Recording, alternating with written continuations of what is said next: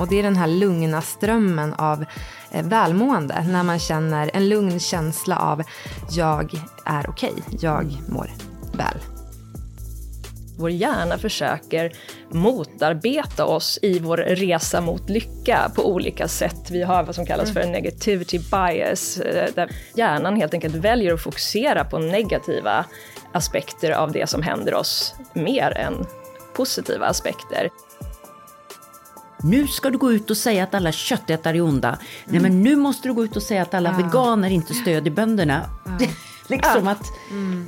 Det blir ju frågor om vad, vad är det goda vad livet? Vad är gott och vad är ont? Välkomna! Du lyssnar på Hälsorevolutionen och jag heter Maria Borelius. Jag är biolog och vetenskapsjournalist och vi har väl lite av ett lyckotema här i höst, eller hur Karina? Ja men verkligen, det här är ju ett ämne som vi eh, älskar att mm. borra djupt i och som ju förstås är väldigt eh, viktigt, vare sig det är vardagslycka eller stora fantastiska lyckokänslor. Och vi tänker att vi hela tiden behöver ompröva och eh, även avdramatisera begreppet lycka och kanske är det så att vi funderar mer över de här frågorna efter vågor av oro runt omkring oss i, i form av ett krig i Europa, miljön, pandemin som fortfarande eh, skapar svallvågor av, eh, av oro. Mm. Hälsorevolutionen är ju podden för dig som månar om både hälso och livsresan. Och vi vill bjuda dig på Inspiration, ett smörgåsbord av nya idéer och möten där vi vrider och vänder på det viktiga i livet. Karina Nundstedt heter jag och är författare, förläggare och poddens producent. Mm. Och idag ska vi möta två eh, kvinnor, journalister, som tillsammans startade magasinet Mother, som en av dem driver vidare. De är båda mitt i livet, har småbarn, stora mängder arbete och verkar på många sätt ha rika liv. Och de började ändå fundera på hur man skapar mer lycka. Och resultatet blev en väldigt fin bok som både är lättillgänglig och ändå har mycket forskning och djup och humor. Så välkomna hit Cassandra Brunstedt. Hej! Tjena, tjena. Tjena, tjena. Och Theresia Franklin. Hej. Hej. Ja, ni har känt varandra länge och jobbat ihop och så blev resultatet en ny liten bebis, en ny liten bok. Mm. Varför skrev ni den här? Jag tror att vi båda har funderat mycket över det här med lycka och vad är lycka och borde vi kanske egentligen vara lyckligare än vad vi känner oss? Vi har på ytan ganska fina liv med allt det där som man brukar önska sig i livet och så har det ändå känts som att någonting skaver och då började vi skriva en artikelserie först i vår gemensamma tidning som visade sig bli väldigt populär och eh, ehm, då kände vi det här vill vi gräva mer i och lära oss mer om och mm. Eh, det här måste bli en bok. Mm. Mm. Vad var det folk längtade efter tror ni där? Liksom, ni säger att den blev populär. Vad, vad var det som drog? Jag tror att de här artikelserierna som vi lyfte, det var väldigt lättillgängliga ämnen.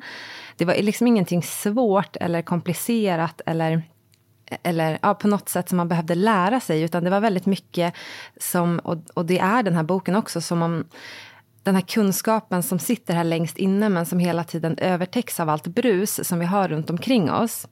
Ofta vet vi kanske vad som får oss att må bättre och få oss att må bra, men vi praktiserar inte i livet som det ser ut eh, och som vi lever. Mm. Och vi tror väl att eh, det här var, det var ny, ny forskning, absolut, och det var lite nya tips och råd och sådana saker. Men det bottnar i att man ska liksom skala bort och skala ner istället för att hela tiden lägga på och försöka hitta nya sätt. Det här är verkligen saker som passar alla åldrar oavsett bakgrund, erfarenhet, eh, som alla kan ta till sig i sitt liv här och nu och verkligen börja idag. Eh, många av de här sakerna vi tipsar om, det är ju saker man kan bara gå ut och, och göra nu. Så jag tror att, att det, vi gjorde det ganska enkelt för mm. folk att ta mm. till sig kunskapen. Mm. Så. Lågtröskellycka. Mm, mm. verkligen. Ja. Hur har, både Karina och jag har skrivit böcker ihop eh, med andra bra personer och det kan ändå bli lite så här liksom vem ska göra vad och hur, hur ser era roller ut? Vad gör du Theresia och vad gör du Cassandra? först och främst var det väldigt viktigt för oss. Vi var ju inga experter själva. Så vi behövde ju verkligen samla ihop ett gäng experter. Och vi ville ha de främsta från hela världen, inte bara från Sverige. Så det var en väldigt lång process när vi bara försökte kontakta våra idoler inom det här ämnet. Eh, och sen boka in intervjuer med alla. Och då eh, är det såklart jättemycket research inför varje intervju. Och vi har ju många utländska experter och, och forskare och psykologer. Så det, det var ett ganska stort jobb redan där och då. Men vi delade ju upp det mellan oss. Så vi har ju Alltså vi har inte haft olika roller på så sätt, utan vi har bara delat upp arbetet. Att man helt enkelt hör av sig till olika personer och så sen efter det då ska man ju sammanställa all mm, kunskap. Mm, mm. Eh, och sen så har vi gett oss ut på vår egen lyckoresa framför allt. Så vi har ju testat oss fram eh, vad som funkar för oss. Mm. Sen tror jag att vi har ju kanske också lite olika utgångslägen, mm. Eh, lite olika bakgrund. Jag är ju kanske lite av en sån forskningsnörd eller pluggnörd eller vad man ska kalla det för. Eh, du kanske har praktiserat mer av de här idéerna och tipsen i, i praktiken medan jag kanske har lätt att fastna lite grann i, i det teoretiska kring det. Så vi har ju haft en ganska eh, kompletterat varandra på det viset att vi har haft lite olika ingång i hur når vi fram till de här svaren och hur får vi det här att bli, som du sa i början, både lättillgängligt och mm. låg tröskel och, och, med humor och livsglädje, men också med en, en bas i, i faktiskt vetenskap och forskning som känns eh, ja, oflummig och konkret. För det är kanske ett ämne som ofta tangerar att bli lite flummigt och lite svårdefinierat och där vill vi liksom konkretisera och se vad är det faktiskt som som finns forskat på och hur vet vi faktiskt att det här fungerar i, i praktiken. Mm. Jag måste bara säga också Cassandra, mm. jag eh, läste ju en av dina feelgood-romaner ja. i, i somras. Du är sedan flera år eh, framgångsrik feelgood-författare.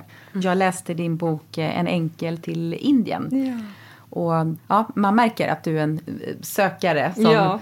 mm. som, eh, som har eh, öppnat många, många dörrar. Eh, inte minst österut. Så, ah. ja, jag, jag gillade den boken jättemycket. Oh, tusen, tusen tack. Mm, och Therese, du har skrivit sex kokböcker. Ja. Jag har gjort mm. en och det var ju jättemycket jobb. Det är mycket jobb, eller hur? Wow. Ja. Det är liksom helt och nu skriver jag faktiskt en, en till här nu, eh, ja. men på ett lite annat tema. Vad men det är, en helt, tema det är också på tema lycka och ja. mat. Så lycka det är, mat. Mm. Coolt. Mm.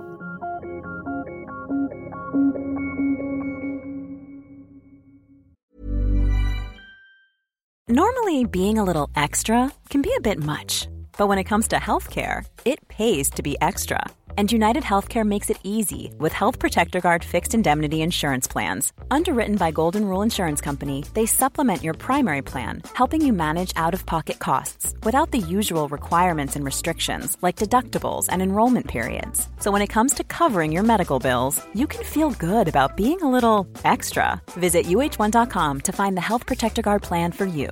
Flexibility is great. That's why there's yoga. Flexibility for your insurance coverage is great too. That's why there's United Healthcare Insurance Plans.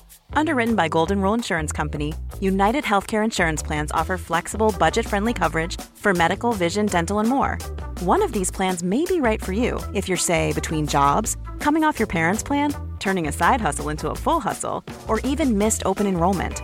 Want more flexibility? Find out more about United Healthcare Insurance Plans at uh1.com. Ni talar om saker vi tror ska göra oss lyckligare. Mm. Men som ni då i boken menar kanske inte riktigt är nycklarna. Vi talar om mer pengar, bättre utseende, mer prylar och det så kallade perfekta livet, hur det nu ser ut. Eh, ni har då ett kul uttryck, ni berättar om det här, det som ni kallar hjärnans besserwisser-mentalitet. Jag tyckte det var jätteskrattande när jag läste det. vad, vad, nej, hur är hjärnan när den är en besserwisser?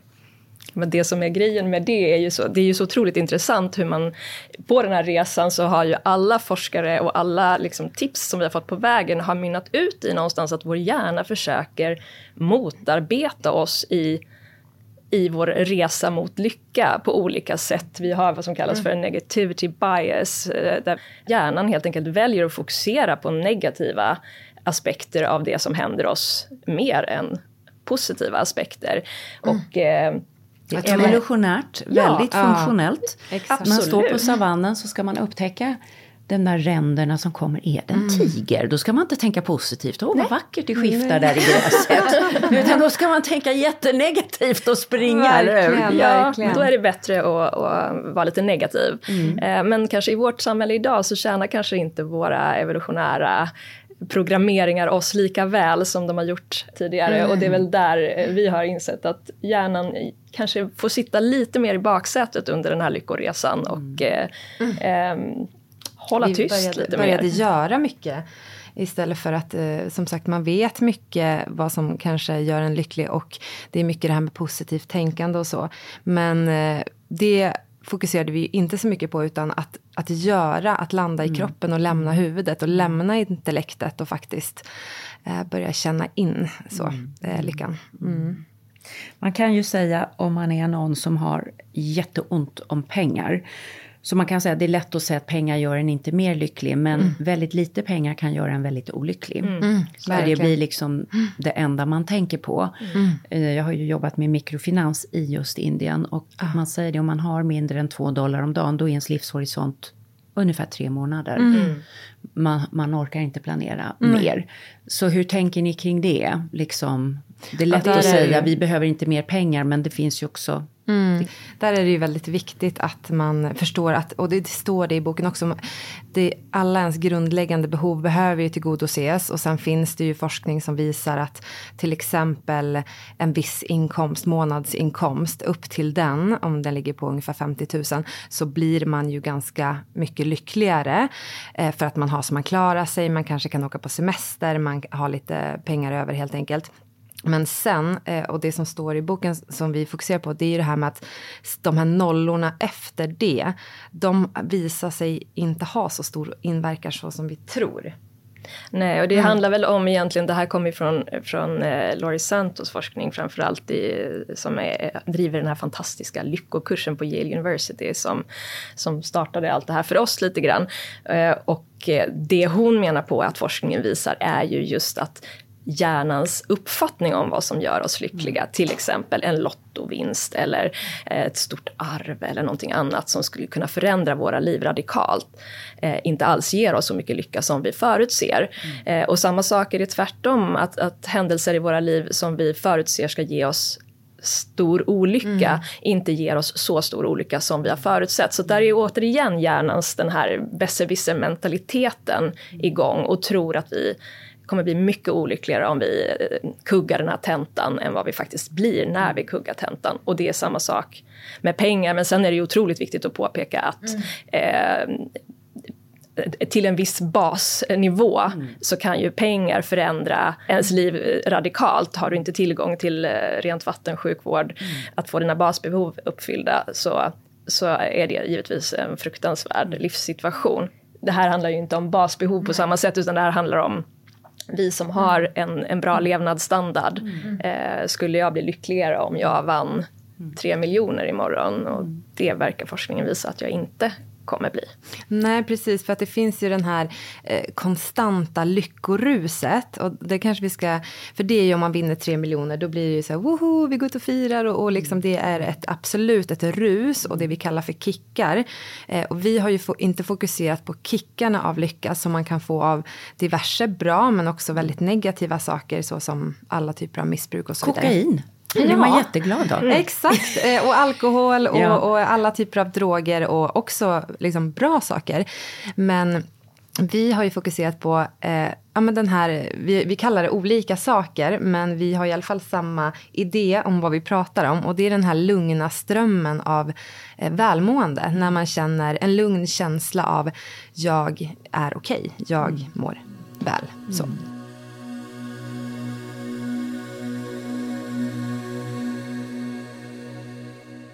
Ni kommer ju båda från en värld med väldigt starka sociala media impulser som liksom strömmar över oss alla och där kan vi ju varje dag se hur det perfekta livet ser ut. Och eh, alla bilder som ligger där har liksom tagits 50 gånger om och den bästa bilden har plockats ut och så. Eh, och selfies är en naturlig del av hur man kommunicerar, nu är jag här, nu gör jag det och så vidare. Vad, vad tänker ni om det i relation till lycka och välmående? Vad skapar i er själva? Vad skapar i oss alla? Vad, vad tänker ni? jag tänker att det där är ett tveeggat svärd ja. på många sätt. Ja, det finns ju många saker med sociala medier som är otroligt positiva. Att kunna hitta en community som, som man kan finna trygghet i, kanske i större utsträckning än vad vi kunde innan sociala medier fanns. Men sen är ju den aspekten som du beskriver är ju också en otroligt stressande och eh, verkligen inte ett eh, recept på välmående att eh, jämföra sig själv med andra och få ångest över att man kanske inte är så snygg, perfekt och lycklig till och med som andra verkar vara. Det är verkligen ett tveeggat svärd tycker jag. Mm. Mm. Och, och vi har, man har väl sett att om man interagerar med andra, vi har med det lite grann i boken, då kan sociala medier faktiskt ge en någon form av, om vi säger ordet lycka.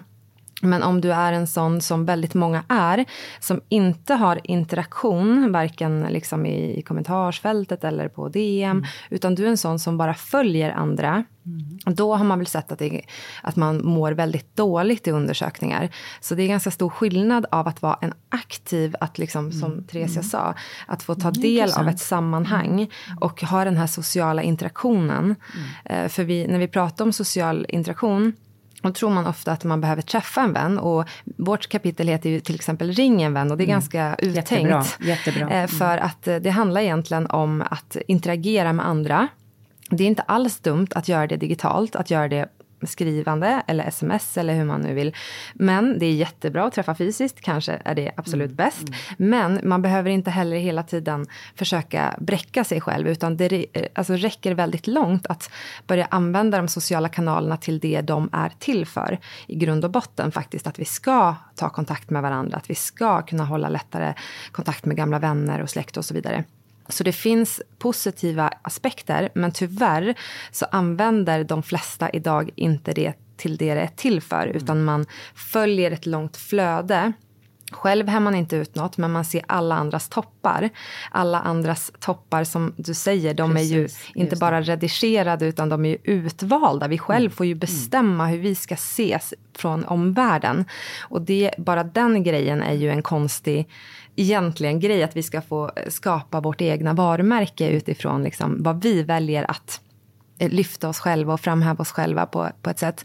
Eh, så att, eh, ja, det är en klurig fråga och vi har ju också bottnat i att, så här, men hur, vi har ju liksom pratat mycket om de här frågorna, hur mår vi? Som också är aktiva på sociala medier. Hur mår vi av att se andra lägga ut det och vad får vi ut av det vi lägger ut själva? Alltså, vi har väl kommit fram till ganska mycket det här med att bara lägga ut en bild och visa hur bra man har det på en, vare sig det gäller semester eller hemma på en grillmiddag. Det får varken våra följare eller vi själva ut så mycket av. Eh, och det har ju varit en ganska många sådana eh, lång tid, liksom, att folk lägger ut. Man vill visa häftiga semestrar, att man inte sitter hemma på sommarlovet utan man gör saker hela, hela tiden. Men är det det som får dig att må bäst? Eller är det saker som det känns som vi brukar kalla fejklycka? Då vill man ju framhäva lyckan väldigt mycket. Mm. Man vill visa för andra, för det är viktigt hur andra ser på dig som person. Men hur känns det inom dig när du postar de här grejerna eller när du ser det hos andra och så vidare? Eh, ger det dig någonting och så vidare? Så, så får man ställa sig själv sådana mm. frågor mm. och vilket man kanske inte har gjort tidigare. Vi började ju göra det när vi skrev den här boken att så här, men gud, varför lägger jag ut det där och varför är det viktigt för mig? Ja, sådana lite liksom, ja, större det, frågor. Det är mm. spännande tankar och jag tänker på du sa ett ord där, Cassandra. Du sa ordet varumärke. Det skav för mig att tänka på människor som varumärken. Mm, mm. Jag skiter i mitt varumärke. Jag skiter i ditt varumärke. Ditt, mm. jag, jag skiter i allas varumärke här inne. Jag, men jag bryr mig om människor. Ja. Att tänka, företag kan vara varumärken. Mm. Men sen kan man säga att vissa människor är bättre på vissa grejer mm. än andra och så vidare. Det har jag inga som helst problem Men det skapar en självupptagenhet. Mm, och att se på sig själv som en produkt i en mm, marknadsekonomi. Och eh, även om jag tror på marknadsekonomin så tycker jag att det sättet att tänka är mm förfärligt faktiskt ja. om människor. Men jag tror att det är ordet varumärke som mm. blir, eh, det blir så det taggigt. För ja. jag tror ändå så här att vi är ju måna om hur vi uppfattas. Mm.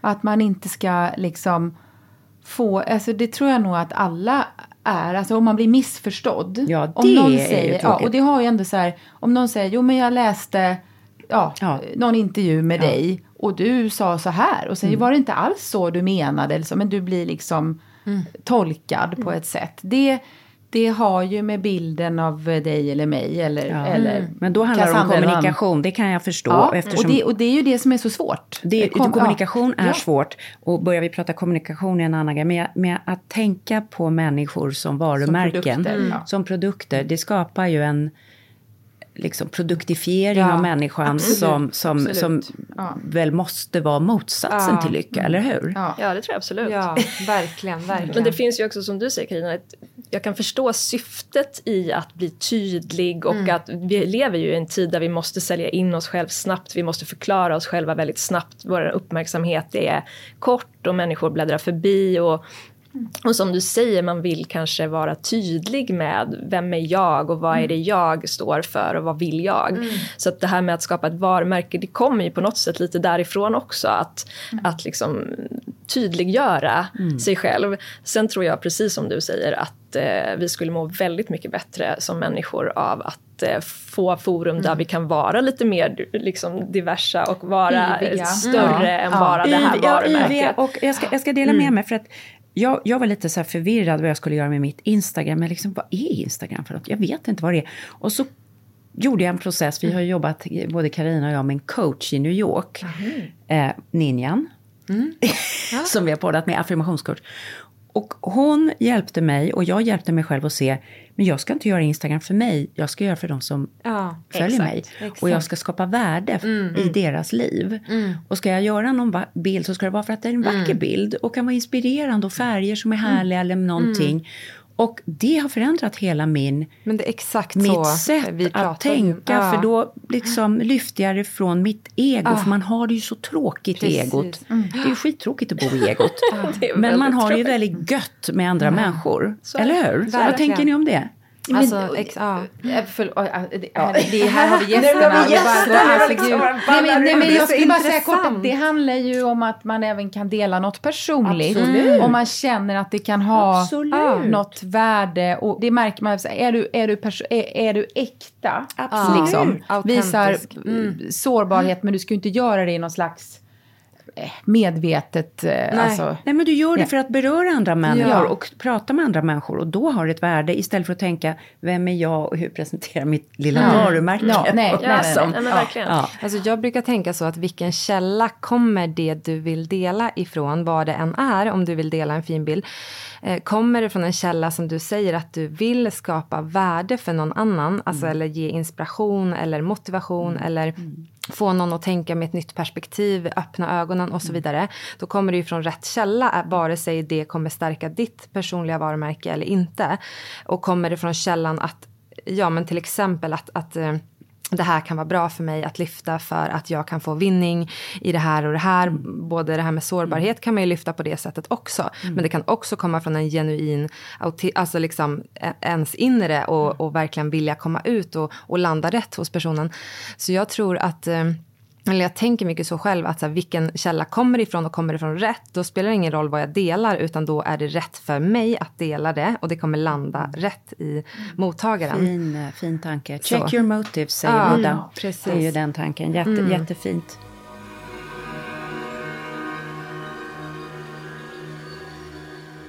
Ni talar om snällhetens tre hormoner. Underbart.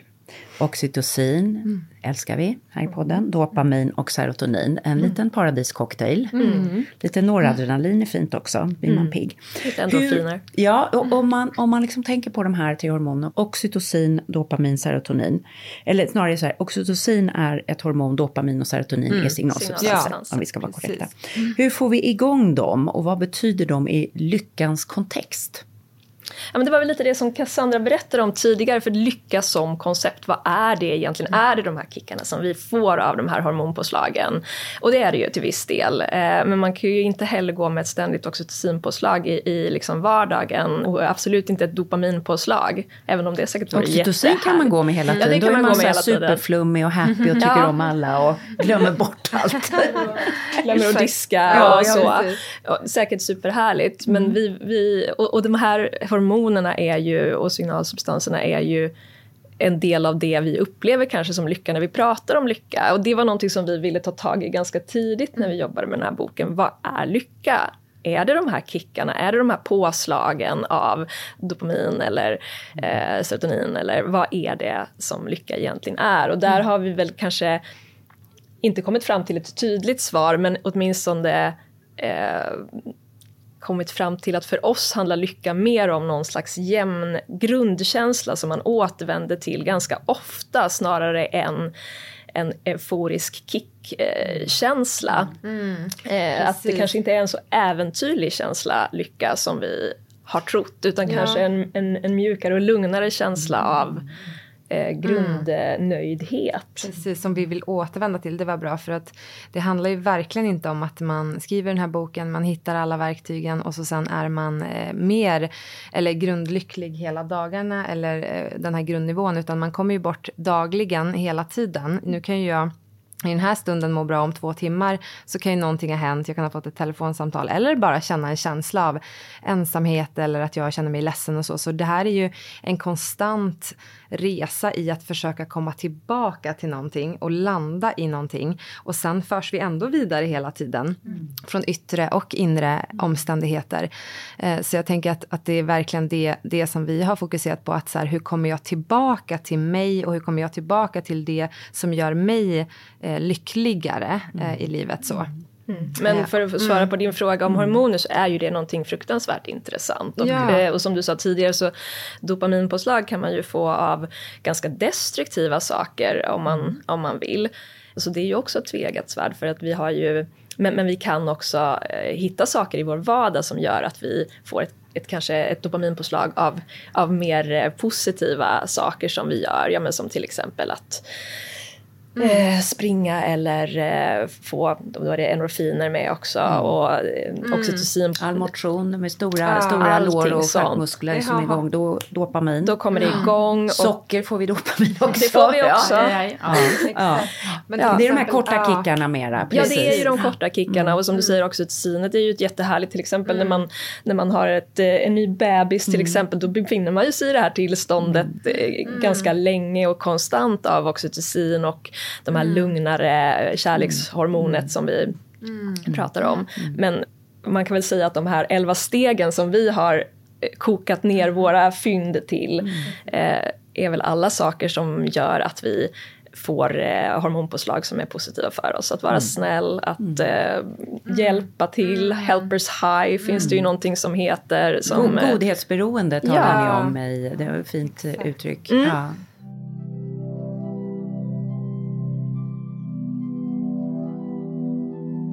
Alla vi människor är ju en blandning av gott och ont.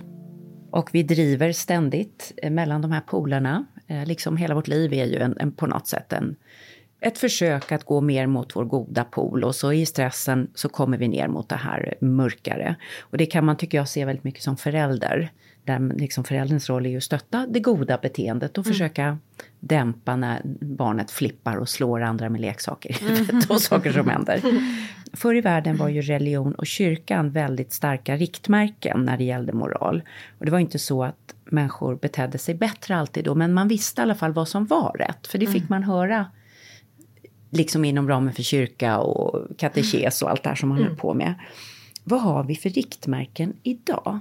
Ni talar om nya budord till exempel. Mm. Ja. ja, och det där kan man ju verkligen grotta ner sig i ordentligt. Jag är så nördigt intresserad av religionsvetenskap. Som ja. Det är mitt nördämne. nördämne. Och där har vi liksom, mm. Cassandra har tröttnat lite på mig. ja. Så jag ska hålla mig kort. Men jag tror ju att vi har förlorat någonting grundläggande ja. i sekulariseringen av samhället. Och att det vi ser nu är ju liksom någon form av återsakralisering. Vi söker någonting, vi behöver någonting, kanske inte bara den andliga aspekten men också som du säger, vad är liksom definitionen av en god människa? När är jag tillräckligt god? Mm. Det var ju ty väldigt tydligt under ja. den tiden när vi hade ett gemensamt eh, språk. Liksom, språk kring ja. det och ja. gemensamma regler kring ja men vad ska du göra för att uppfylla din godhetskvot? Det var supertydligt. Ja. Idag är det ju otroligt otydligt, ja. vilket jag tror skapar en känsla av att man aldrig riktigt är tillräcklig och verkligen som förälder som du säger, det är ju ett ständigt, en ständig otillräcklighetskänsla. Ja. Mm. Och där tror jag att vi har förlorat någonting som inte bara handlar om Gud eller att tro utan mm. som handlar om mening med livet, en så definition of done som man säger. När är det tillräckligt? Så att, ja, det tror jag vi söker oss tillbaka till. Tomheten, vi har ju gjort flera poddar på det här ämnet. Både Maria har ju skrivit en bok som heter Förundran. Vi intervjuade Louise Boye av Jennes, eh, det är nog ett och ett halvt år Ja, sedan nästan ja, nu, där vi ja. gjorde ett påskavsnitt just kring, kring ja, men hur vi har liksom tappat den här eh, Du sa ju det bra. A definition of done. När, när är det nog bra? Ja. Eh, och, och det där, väldigt, väldigt spännande, spännande funderingar. Ja. Så, för eh, det var någon kompis som sa till mig, ja men när vi ersatte liksom att gå i kyrkan på söndagen med att åka till Ikea. Förlåt Ikea, det är inget fel på Ikea, men liksom Jättebra det möbler. var ingen... Det ena var inte lika mycket som det andra, för det var helt olika dimensioner. Och vad, vad, hur ska vi hitta de här nya budorden om vad som är ett gott och moraliskt... För varje samhälle måste ha det. Absolut. Varje samhälle som är Ja, mer än precis. tio pers liksom, måste ha någon idé om ja, men när är vi korrekta eller schyssta mot varandra eller loving. Vad, vad är att vara loving? Liksom? Och jag tror också den här, det blir ju någonting väldigt individualistiskt istället för att vi har en gemensam syn på var vill vi, vad är att vara en god människa, vad ska vi bidra med här på jorden. Så får var och en av oss skapa vår egen definition av vad det här är, vilket gör att vi blir små ensamma öar. Och det är ju liksom ytterligare en grej som har gått förlorad. Gemenskapen över generationsgränser, sökandet efter visdom istället för bara kunskap. Det finns liksom så många dimensioner i det här som jag tror har gått förlorat som vi nu är desperata efter och som vi börjar söka på alla möjliga ställen. eh, Och få en att- polarisering då. Ja. För veganerna är det goda att inte äta ja, kött. För köttätare är det goda att stödja bönderna. Alltså alla hittar moral i sin Ja, sin livsväg. egen, och det det. blir då också väldigt kantigt. Just det där frågan har jag mycket i mina bakkanaler. Nu ska du gå ut och säga att alla köttätare är onda. Nej men nu måste du gå ut och säga att alla veganer inte stödjer bönderna. liksom att det blir ju frågor om vad, vad är det goda livet. är va? gott och vad är och att ont? någon annan då, att du ska b- behöva Ut vara med en ledare pekpinnen. fullt ut som, Ja. som tar hela, ja, Det, det, hela och jag ja. tänker inte sätta mig i den rollen för det är inte min uppfattning om en Nej, god nej. moral. Men eh, ja, ni nämner ju andlighet som en väg till lycka i boken och det har ju stöd i forskningen. Vad, vad betyder det för er? Det kan ju se ut på många sätt. Ja, alltså, ja, precis. För mig så är ju det någonting som jag har haft med mig hela mitt liv. För att min mamma är väldigt spirituell. Så det här är ju liksom en annan typ av andlighet då, än till exempel vi har ju helt olika sidor där också. För mig är det en känsla av att inte vara ensam, att vara liksom en del av alltet. Och... Eh, jag kan connecta väldigt enkelt till den här känslan genom att eh, till exempel befinna mig på vissa platser. Om jag är i en skog så är det väldigt direkt kontakt för mig då. Att jag känner att eh, Ja, men jag känner att jag är en del av hela ekosystemet, jag är en del av alla växter, alla djuren och, och hela alltet. Och Den känslan är jättestark hos mig och det är ju min sanning. Så att eh, jag känner liksom att den här tron har ju alltid varit väldigt stark. Men det som är skillnaden också, som ni sa, det är ju att ja, det finns ju absolut många som delar min eh, syn på det här. Men det är inte alls det här sammanhanget som en kyrka är. Det är inte det sammanhanget att man kan gå någonstans varje söndag och träffa likasinnade och så. Det man kan göra och det till exempel jag gör, det är ju att jag söker mig till sådana communityn. Till exempel finns det ju poddar om ämnet eh, som har samma syn som jag. Eh, och man kan eh, åka på retreat och man kan åka på eh, träffa likasinnade människor. Eh, och det tycker väl jag är eh, en absolut en stor liksom, tröst i livet. Att ha någon att diskutera liksom, livets djupare frågor med. Eh, men, men jag också, måste också få fram min, att jag känner att jag känner mig inte ensam i världen. Den känslan känner jag genom min tro. Att jag känner mig hållen av livet. Och eh, det tror jag man kan göra vad man än tror på. Och det har vi också med i boken, att tro vad du vill. Det handlar inte om att eh, liksom, man behöver ha, tillhöra samma tro, utan alla kan hitta sin egen. Och det är väl så mycket det ser ut idag, att man har tagit de här russinen från olika ställen och bakat ihop dem. Det man tappar kan ju vara den här känslan eh, som sagt av att vi tror på samma och vi har samma riktlinjer. Mm. Kittet som det skapar i ett samhälle. Tapp, ja, ja, kan, det om man ska titta på det. Precis. Ja. Mm. Så, men, och det är ju jätteintressant. Och hur ser det ut för dig, eh, Theresia? Ja, men jag har ju kanske en lite för akademisk syn på på de här frågorna för att riktigt kunna liksom eh, applicera dem på mig själv på det viset. Men jag, jag kan hur, känna igen mig väldigt Hur har du en akademisk syn på nej, andlighet? Jag, du måste berätta vad, ja, det, vad det betyder. Nej, men jag har ju, min guilty pleasure är att jag pluggar olika religionsvetenskapskurser på universitetet ja. som min hobby. Ja, så att jag är liksom lite spårad på det.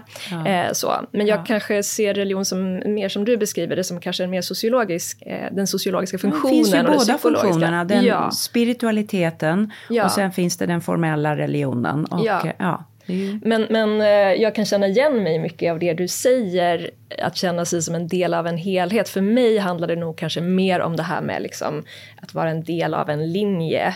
Eh, från liksom de som kom före mina mormödrar och farmödrar mm. och att föra vidare någon typ av godhet, visdom, dygder som liksom är eh, konstanta över över generationerna och föra mm. vidare det till nästa generation. Så det är liksom någon, också någon känsla av att vara en del av ett flöde och någon, någon ganska skön känsla i att inte vara en så stor del av det där flödet utan vara en liten kugge mm. i ett flöde. Så att det finns ett ansvar att upprätthålla vissa vissa goda egenskaper men inte ett så stort ansvar att kanske förändra hela världen utan mm. att förändra i den här lilla strömmen av människor som Ja.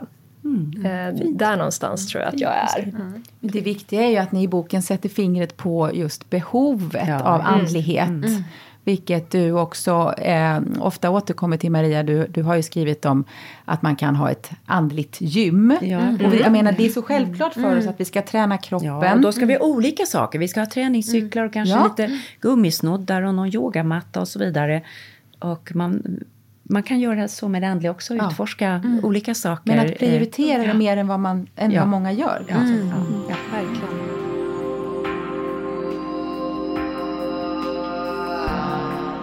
Kopplat, och jag tycker nästan nästgårds med de här resonemangen om andlighet, så ligger ju begrepp som försoning, tacksamhet, att be om förlåtelse. Det är så vackra, mm. stora, inspirerande och ändå så svårt. Vad är verktyg som ni använder er av för att hitta till det där som ju ger så mycket frihet när man mm. lyckas? Vi pratar mycket om det att, att i förlåtelse så kan det ju, det finns ju både kraft i att förlåta någon och att den får veta det. Eh, och framförallt finns det ju utvecklingspotential i en relation till exempel. Mm. Men vi har väl återkommit mycket till att förlåta handlar mycket om eh, en personlig resa. Att eh, förlåta för din egen skull, förlåta för att slippa bära på det du bär på. Och det vi ofta samlar på oss genom livet. Och det kan ju vara litet som stort. Det kan ju vara eh, verkligen eh, små till stora saker. Men att gå tillbaka till det som skaver i dig att förlåta både dig och liksom en utomstående kan eh, komma med mycket frihetskänslor helt enkelt. Mm. Att man blir eh, fri från en viss eh, känsla eller så. Det är väl det som vi har landat mycket i. Ja, och jag tror att de här begreppen ligger ju nära varandra. Och sen förlåtelse är ju, det är ju ett mm. lite kontroversiellt begrepp. Mm. Bör man förlåta allting och, och var går gränsen för vad, mm. vad som är att frigöra en förövare eller att frigöra sig själv. Mm. Och, eh, det kan ju bli otroligt filosofiskt men jag tror tacksamheten är en nyckel mm. till alla de här mm. sakerna. Mm. Vilket man har sett ger dels konkreta hälsofördelar att praktisera tacksamhet och öva sig på att se de positiva delarna i det man har att vara tacksam för. Mm. Kanske också någonting som vi kanske har förlorat lite grann i, i, i det här med bönen och andligheten, att mm. fokusera på tacksägelsen som man kanske säger inom kyrkan eller vad, mm. vad, och förlåtelsen. Det är, det är ju någonting som, ja, men som på något sätt hänger ihop. Jag tror vi har en meditation med i boken eh, som handlar om, som en sån compassion med mm. meditation mm. heter det, som handlar om att liksom både förlåta sig själv och att i förlängningen kunna mm. ha medlidande med människor runt omkring sig och mm. eh, kanske till och med de som har gjort en illa. Mm. Så det, det, men det är jättesvårt. Herregud, det är ju och Många saker låter ju enkla i praktiken. Att förlåta, att vara tacksam och så vidare. Men det kan ändå vara väldigt trixigt i det verkliga livet som alltid går så himla fort. Och eh, vi sköljs ju av, som sagt, allt det yttre bruset hela tiden. Så att bara stanna upp och känna tacksamhet kan vara svårt att få till. Mm. Även om det tar några minuter och även om man kan börja dagen med att säga tack när man går upp ur sängen och det finns att man kan skriva ner tre saker varje kväll så är det saker som också är lätt att prioritera bort. Eh, för att man är jättetrött och man vill bara gå och lägga sig och man kommer i säng för sent och sen så börjar dagen dagen efter. Alltså så. Mm. Så att eh, alla de här sakerna, vi brukar säga det att man kan bör verkligen börja här och nu. Eh, det tar inte mer än några minuter de här flesta rutinerna som vi har Eh, testat oss igenom och som vi tipsar om. Men man måste verkligen gå till sitt liv och där man är i livet just nu. Jag har ju både en ammande liten pojke och en liksom, som fyller snart tre. Då. Jag är ju en helt annan sits i livet än vad någon av er är nu just nu. Mm. mm. Och faktiskt dig också, för mm. du har ju större barn. Så att just nu måste jag bara gå till så här, amen, det är jättesvårt att bara få en lucka till mig själv. Mm. En lucka till eh, liksom, jag-tid och, och stanna upp och lyssna in hur ska jag lösa det här pusslet för att hitta de här sakerna, de verktygen som jag vet mm. funkar för mig, men hur, ska jag få in dem i mitt liv? Mm. Eh, och så sen så därför gjorde vi de här egna lyckoresorna och det har vi verkligen eh, den här boken handlar ju om att läsaren ska hitta sin egen väg. För vi är ju alla på olika resor och på mm. alla olika... Och mitt liv kommer ju om ett år bestå av en annan praktik också än vad det gör mm. nu. Mm. Så det är viktigt att inte bara eh, gå tillbaka till, eh, ja, eh, helt enkelt att det är en pågående resa. Mm. Den är mm. högst levande och eh, man måste verkligen se till nuet hela tiden, för det är det som, det är där vi kan göra skillnad. Mm. Mm. Sen kan man väl också poängtera att de här eh, sakerna som vi har kommit fram till i boken handlar ju inte bara om att avsätta tid och prioritera nya Nej. vanor.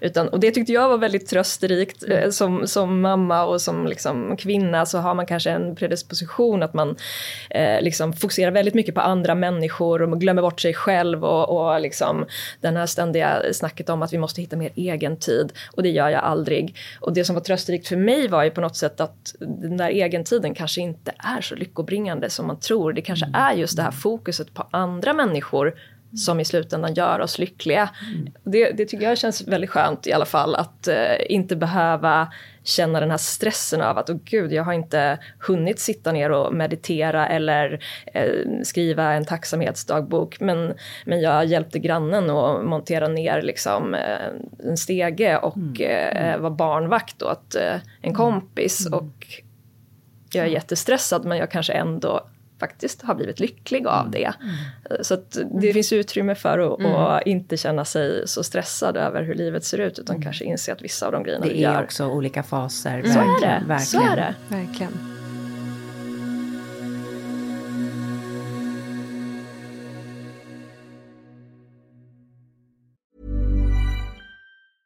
Normally, being a little extra might be a bit much, but not when it comes to healthcare. That's why United Healthcare's Health Protector Guard fixed indemnity insurance plans, underwritten by Golden Rule Insurance Company, supplement your primary plan so you manage out of pocket costs. Learn more at uh1.com.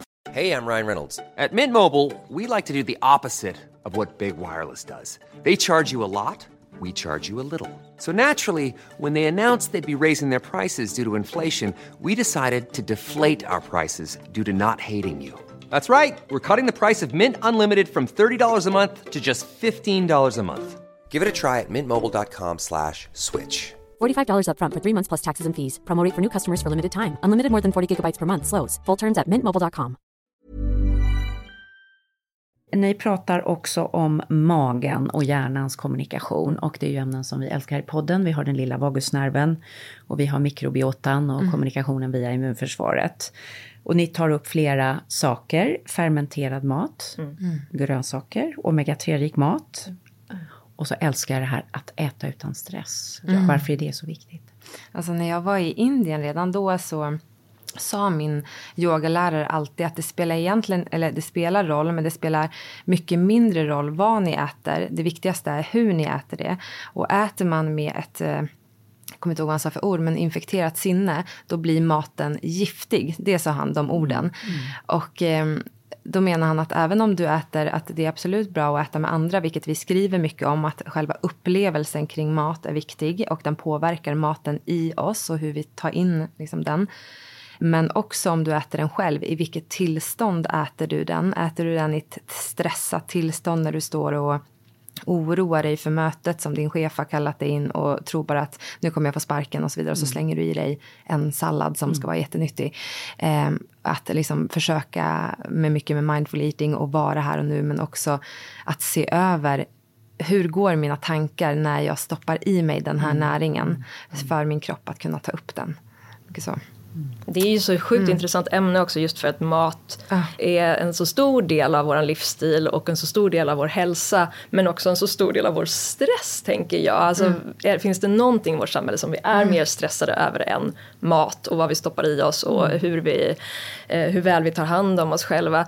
Och det som var intressant i alla fall när vi intervjuade en av, av forskarna till just det kapitlet var han beskrev hur han hade åkt till Italien för att medelhavskosten skulle vara den absolut bästa att äta. Han hade varit i Italien och han var chockad över att i det här lilla samhället så var alla maträtter kombinationer av ost, pasta och skinka och inte i närheten av en enda fiber. Men det han såg var att de levde ganska långa liv och hade ganska bra hälsovärden trots det han gjorde kopplingen att, att eh, det var hur man åt den här maten. Mm. Alltså människor var ute på gatorna till sent på kvällen. Mm. Vuxna och gamla och barn åt tillsammans. Man lagade maten, man satt ute och åt i det vackra vädret mm. och man åt länge under djupa samtal och skratt. Och någonstans så tror jag att den aspekten av mat har gått lite förlorad också i vår kanske hets att hitta den perfekta ingrediensen. Mm. Och mm. kanske är det inte ingrediensen i sig som är det absolut viktigaste utan det finns andra aspekter som också påverkar mm. allt från näringsupptag till just hur, hur pratar vår tarm med vår mm. hjärna. Precis. Det här är musik för vår, jag tror vi till och med har gjort, vi har gjort flera poddar om det här. Mm. Och jag stötte på det här hos långlevnadsforskarna på Okinawa, de sa samma sak också. Mm. Så det här är ju otroligt spännande. Mm. Men även då så är det så här att ni har med ett recept på kombucha. Ja som vi skulle ta. Det är veckans recept tänkte ja. vi. Mm. Ja. För att jag har aldrig gjort kombucha själv. Nej. Men du Theresia, du är en jäkel på det. Berätta. Vi, vi har kört båda väldigt mycket kombucha. Ja, Berätta hur ni gör.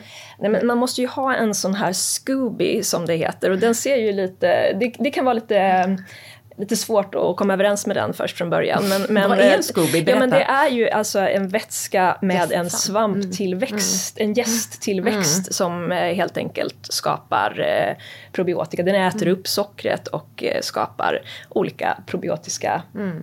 Men man ja, kokar upp te med socker och låter mm. det helt enkelt um, svalna. Och så sen så har man i den här skubbin med den här eh, startvätskan.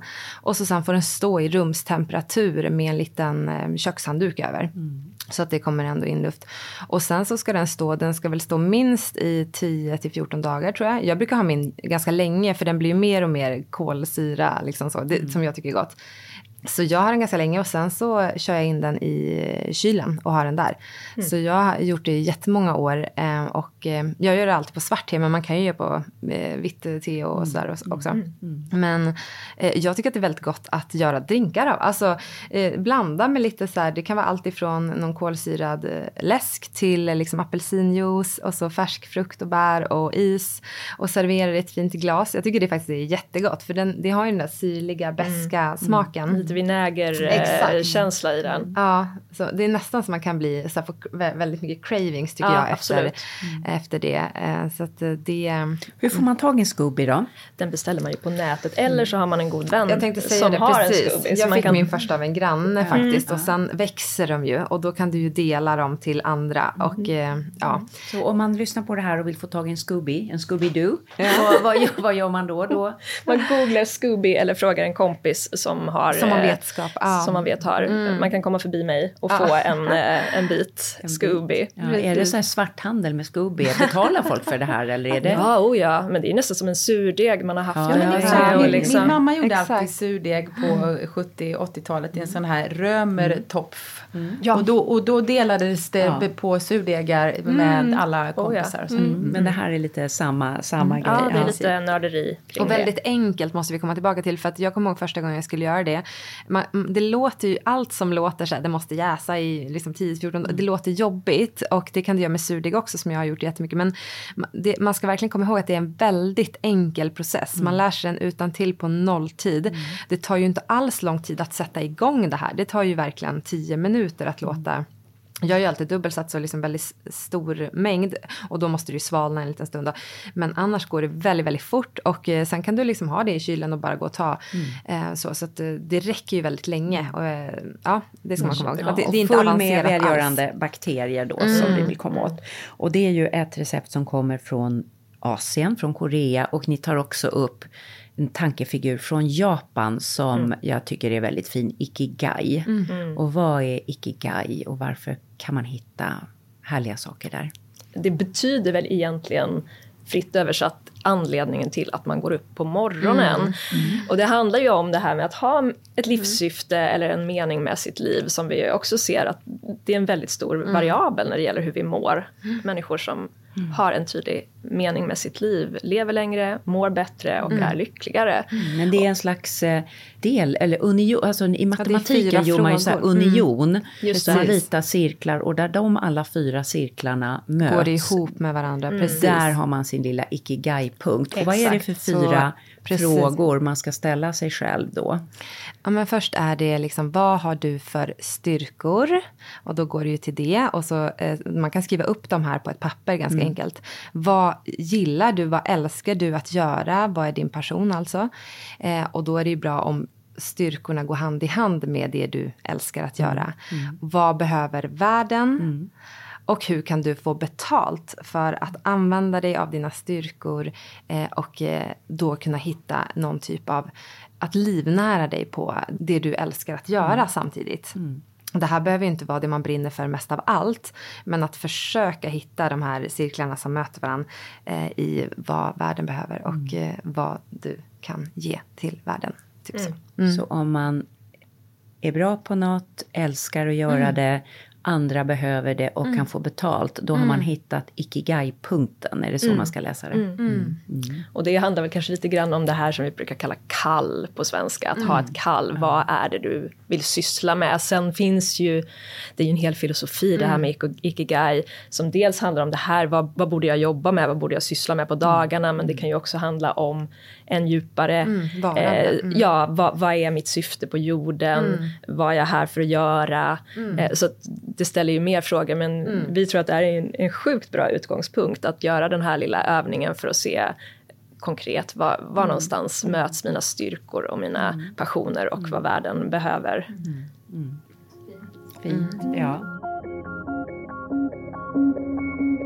Ja, det är en eh, väldigt lättillgänglig och ändå väldigt fördjupande bok ni gjort. Och den är väldigt vacker tycker jag också, visuellt liksom tilltalande. Där har vi den. Ja. Där ligger den. Ja, Och i eh, den. handväsk, ja inte minsta Handväska. handväskan men Nej. medelstor handväska. Medelstor handväska. på bussen Ja. och eh, ta till sig lite grann varje dag. Vad är nästa steg för er nu? Ja, vem, ja precis. Jag kommer släppa fler böcker och det blir, eh, kan inte riktigt gå ut med vilka, men det blir eh, ett par stycken framåt också. Blir det. Mm. Så att jag jobbar heltid som författare sedan en vecka tillbaka. Wow.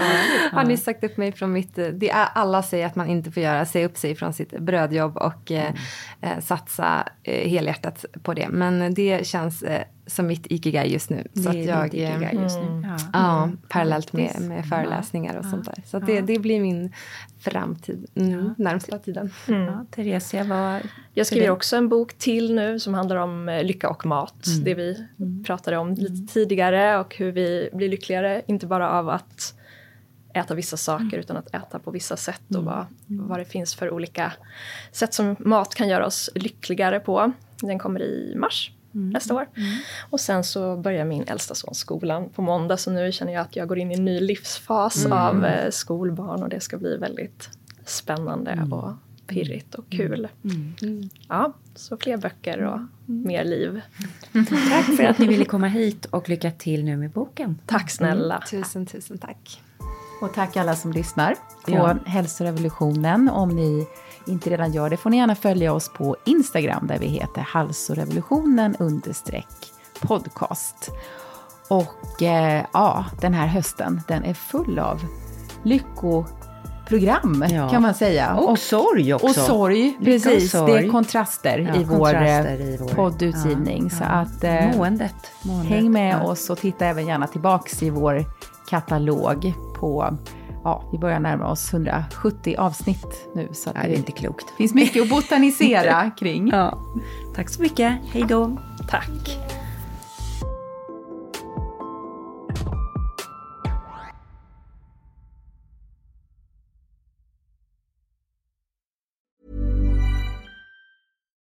Botox Cosmetic, out of botulinum toxin A, FDA approved for over 20 years. So, talk to your specialist to see if Botox Cosmetic is right for you. For full prescribing information, including boxed warning, visit BotoxCosmetic.com or call 877-351-0300. Remember to ask for Botox Cosmetic by name. To see for yourself and learn more, visit BotoxCosmetic.com. That's BotoxCosmetic.com. Botox Cosmetic, out of botulinum toxin A, FDA approved for over 20 years. So, talk to your specialist to see if Botox Cosmetic is right for you. For full prescribing information, including boxed warning, visit BotoxCosmetic.com or call 877-351-0300. Remember to ask for Botox Cosmetic by name. To see for yourself and learn more, visit BotoxCosmetic.com. That's BotoxCosmetic.com.